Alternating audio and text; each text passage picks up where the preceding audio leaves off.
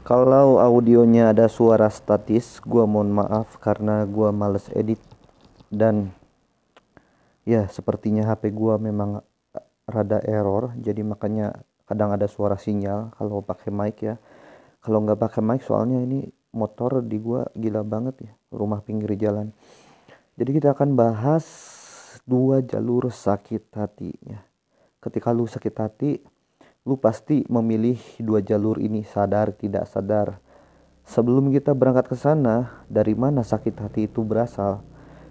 Cuman satu asalnya adalah dari harapan yang tidak sesuai dengan kenyataan. Dari bayangan-bayangan di otak yang lu munculkan secara sadar atau tidak sadar, kemudian kenyataannya ternyata terjadi berlawanan dengan yang lu harapkan ya itu kuncinya.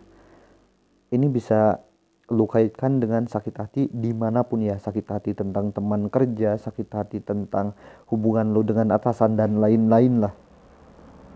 Cuman yang mau gue tekankan di sini ya namanya juga ruang katalis ya. Bahasnya bahas percintaan bahas romansa ya. Jadi sebenarnya ketika kita berhubungan itu eh gak ada gini sebenarnya manusia itu setiap harinya sadar tidak sadar selalu memunculkan ide. Baik itu dari kesadarannya maupun dari alam bawah sadarnya. Dan ide pertama yang dikeluarkan untuk mengatasi masalah apa pun biasanya nah motor biasanya ide itu jelek termasuk dalam berhubungan jadi ketika lu jadian nih lu otomatis merancang ide-ide gimana merancang banyak ide gimana caranya supaya lu ini langgeng lu ini nggak pisah sama dia. Secara sadar tidak sadar ya. Banyaknya sih secara tidak sadar. Dan seperti yang gue telah bilang eh, kebanyakan ide yang pertama itu buruk karena ini harus diterpa harus dihantam oleh ide-ide lain yang kadang-kadang lu dapetinnya dari mana? Dari sakit hati gitu. Dari pengalaman-pengalaman ya. Kan kalau ntar motor dulu lewat silakan lewat bang. Kenal pot lu berisik sekali anjing. Kan ketika seseorang luas pengalamannya dalam berpacaran dalam artian dia ya meskipun tidak langgeng tapi dia terus mencari dia terus mencoba. Itu kan luas tuh. Itu kan banyak ilmu yang dia dapat. Ya. Dari pengalaman pahit dikecewakan ditinggalkan ditinggal nikah. Itu dia bangun ide terus tuh. Itu dia idenya berangkatnya satu dari dari pertama kali dia pacaran. Gimana caranya supaya langgeng dari pertama kali sadar tidak sadar kalian membangun ide itu tapi ide ini bakalan diterpa bakalan diasah oleh masalah-masalah yang terjadi oleh kegagalan-kegagalan yang kalian alami ya. Nah, pada saat kalian ditinggal ada dua tipe. Kalian bakal ke jalur yang mana? Ada jalur enak, ada jalur nggak enak. Jalur enak adalah jalur kesadaran di saat lu menyadari bahwa lu ada salahnya. Lu harus memperbaiki faktor-faktor yang menyebabkan dia udah nggak betah lagi dan lain-lain lah. Dan ciri khas dari jalur kesadaran atau jalur enak ini adalah lu bisa memposisikan diri lu sebagai pasangan lu yang telah meninggalkan lu. Jadi kenapa sih dia ninggalin gua? Oh iya ya, kalau gua jadi dia pun kayaknya gua ninggalin gua ning ninggalin gua gitu. kalau gue di posisi dia pun kayaknya sama gue itu nggak enak banget. Nah pada tahapan seperti itu bagus. Lu telah sadar ya. Harusnya lu ada di jalur yang enak kecuali kecuali memang lu masih awal-awal berpacaran dan baru pisah baru mengalami sakit hati lah. Makanya lu agak kaget agak susah move on. Karena lu mendapatkan mendapatkan pasangan pun sama dia ini agak susah gitu. Agak susah dapetin dia nih. Makanya agak susah juga buat babi motor. Agak susah juga buat lupain gitu. Buat mencari yang baru karena kenapa? Karena pengalaman lu minim. Karena lu tidak ada validasi bahwa lu mudah mendapatkan yang lain gitu. Belum ada pengalaman nyata dalam hidup lu bahwa mudah mendapatkan yang lain. Bahkan mudah sekali mendapatkan yang jauh lebih baik daripada dia yang telah meninggalkan gitu. Itu susah. Meskipun lu dinasehati oleh orang yang berpengalaman sampai telinga lu panas sampai mulut yang mulut orang yang kasih nasihat itu keluar busa banyak gitu ya. Kalau lu belum pernah mengalami ya dalam alam bawah sadar lu ya tetap lu nggak percaya gitu. Lu nggak yakin dengan diri lu sendiri makanya butuh banyak pengalaman.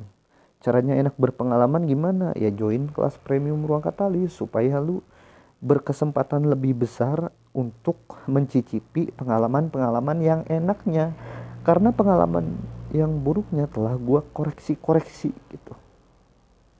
Telah gua lewati dan gua rumuskan di dalam kelas ya. Cukup bayar 175 ribu rupiah. Kalian tidak usah belajar tentang hal ini berpuluh-puluh tahun oke? Sampai mana kita tadi ya? Nah itu jalur pertama ya.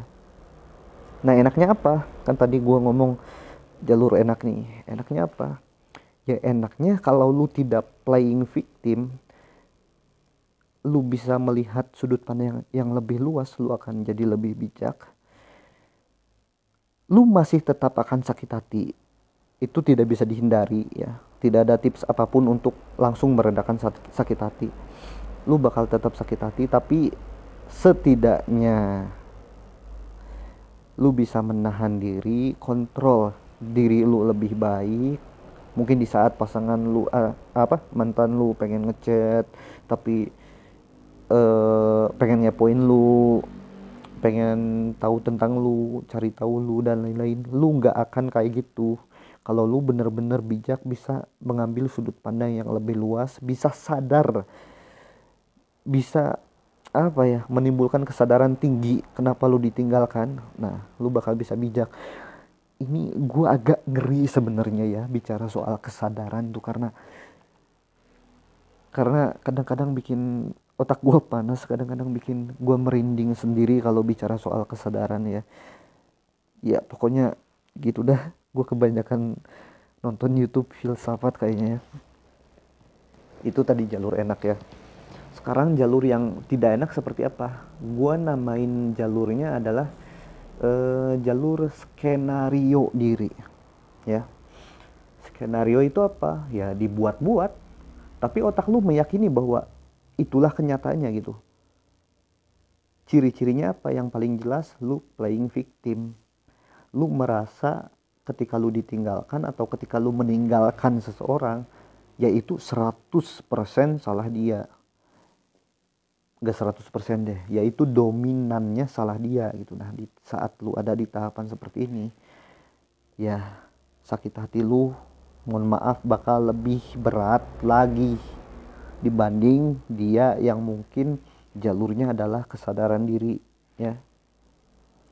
Yang kesadaran ini tuh enaknya gini juga. Kalau lu sadar kalau lu ambil jalur yang enak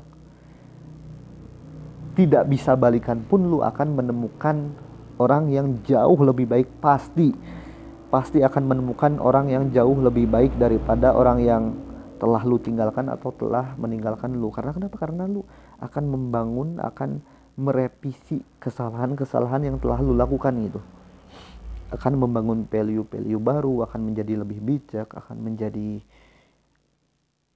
uh, sangat beranalisis dalam mengambil keputusan yang penting itu kan. Poin-poin yang sangat penting sekali yang di dilihat oleh calon-calon pasangan gitu. Jadi enak lah pokoknya kalau jalur satu itu. Nggak sepenuhnya enak sih. Maksudnya sakit hatinya tetap ada. Tapi kalau dibanding dengan jalur skenario itu jauh lebih enak. Ya.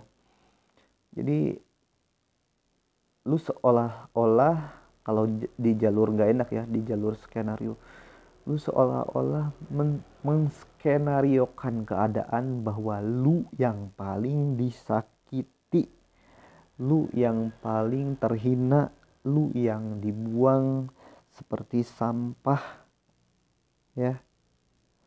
Di saat lu ada di tahapan seperti ini itu bakal susah banget. Lu bakal mentok lu bakal terbayang-bayang terus oleh bayang-bayangnya. Terbayang-bayang oleh bayang-bayang gimana tuh? Ya pokoknya lu bakal lebih sakit pasti sakit hatinya lebih-lebih. Apalagi nih apalagi sampai lu menyimpan dendam. Wah udah. Abis abis lu. Kalau udah sampai dendam kayak gitu kan ini ini gue ada ada catatan sih sebenarnya. Gue ada materi yang suka kelewat lupa gitu. Tapi penting makanya gue catat di WhatsApp uh, oh ya gue mau bahas outputnya nih. Ntar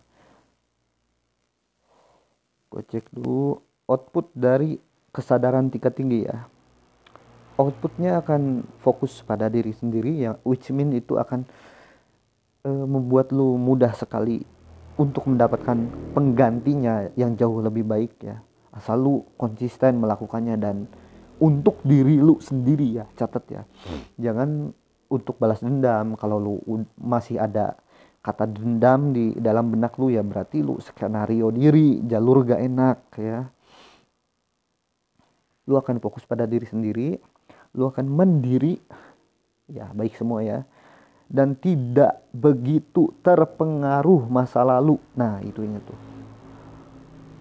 Mungkin terpengaruhnya ada, tapi sebagai bahan pembelajaran itu baik sekali, ya. Cuman untuk terpengaruh sampai kangen berat, sampai pengen balik lagi, sampai tidak bisa membuka diri, itu minimal sekali kemungkinan itu terjadi ya. Ketika lu e, memilih jalur kesadaran tingkat tinggi output yang gak enak ini dari jalur yang gak enak skenario diri outputnya adalah lu jadi egois lu merasa selalu merasa menang sendiri selalu merasa benar sendiri ya. Lu jadi memaksakan untuk dominan di hubungan-hubungan selanjutnya gitu ya. Dan itu juga menghambat lu untuk berproses ya. Nah yang unik dari pembahasan dua jalur ini terkadang seseorang tidak sadar tiba-tiba sudah ada di jalur gak enak gitu. Tiba-tiba dia setelah dengerin podcast gue mungkin oh iya ya kok gue playing victim ya? Kok gue tidak melihat sudut pandang yang lebih luas ya? Kok gue merasa dia dominan salah ya? Padahal kalau misalkan sampai benar-benar berpisah berarti itu kan kesalahannya ada di ya kita juga ada sama-sama salahnya gitu ya. Tidak ada yang benar-benar dominan dari sebuah kesalahan yang menyebabkan perpisahan sih ya. Kecuali dia emang benar-benar bercanda dari awal. Itu beda cerita tuh. Itu di luar konteks yang sedang kita bahas ya. Jadi itu ya. Jadi kalian ada di jalur yang mana nih? Apakah jalur kesadaran tingkat tinggi yang jauh lebih enak daripada jalur yang gak enak? Yang kedua jalur skenario tinggi. Eh jalur skenario diri di mana lu memaksakan sudut pandang kebenaran dan membuat skenario seolah-olah dia yang dominan bersalah atas apa yang terjadi ya. Apalagi sampai menyimpan dendam yang berarti lu menyimpan bibit-bibit anti move on. Kalau lu udah dendam sama seseorang yang udah meninggalkan lu udah lu terpenjara oleh dendam lu sendiri ya. Jadi kalau masih punya dendam pengen membuktikan pengen ngasih tahu bahwa nih nih gue bisa tanpa lu nih gue bisa kaya raya gue bisa dapet cewek yang lebih baik daripada lu. Itu bagus cuman ada sisi tidak bagusnya adalah refleksi eh refleksi lu tentang kesuksesan itu adalah dirinya gitu adalah orang di luar lu. Ya mungkin dia dalam suatu waktu bisa iri tapi dalam suatu waktu juga mungkin orang lain gak bakalan peduli juga gitu ya. Mungkin mantan mantan lu yang lain juga kagak peduli juga terhadap kesukses kesuksesan lu. Yang harusnya lu lakukan terhadap eh, diri lu adalah ya lu raihlah kesuksesan atas dasar kemauan diri lu sendiri gitu. Bukannya bukannya menyimpan parameter itu pada faktor luar gitu karena nantinya ketika lu balas dendam dan dia tidak merespon dia tidak bereaksi apa pun ya lu sakit sendiri. Lu kepikiran lagi nantinya ya. Makanya gak usah deh balas dendam balas dendam ngapain sih ya? Mendingan memuaskan diri sendiri. Boh enak ya. Oke. Okay gue mohon maaf atas semua kekurangan gue dalam podcast ini baik itu audionya atau gue yang kepleset lidah atau ngomongnya yang kurang apa ya? Ya gue biasa ngomong tanpa teks sih. Pasti kalau orang yang runut banget pasti bingung juga nih kalau mau nyetet podcast ini. Ya. Gue mohon maaf atas segala kekurangan dan kesalahannya. Semoga ada pelajaran yang bisa lu ambil dari sini gua Fadlan di sini. Bersama ruang katalis anjir. Dua hari eh dua podcast gua dalam satu hari. Yuk bye bye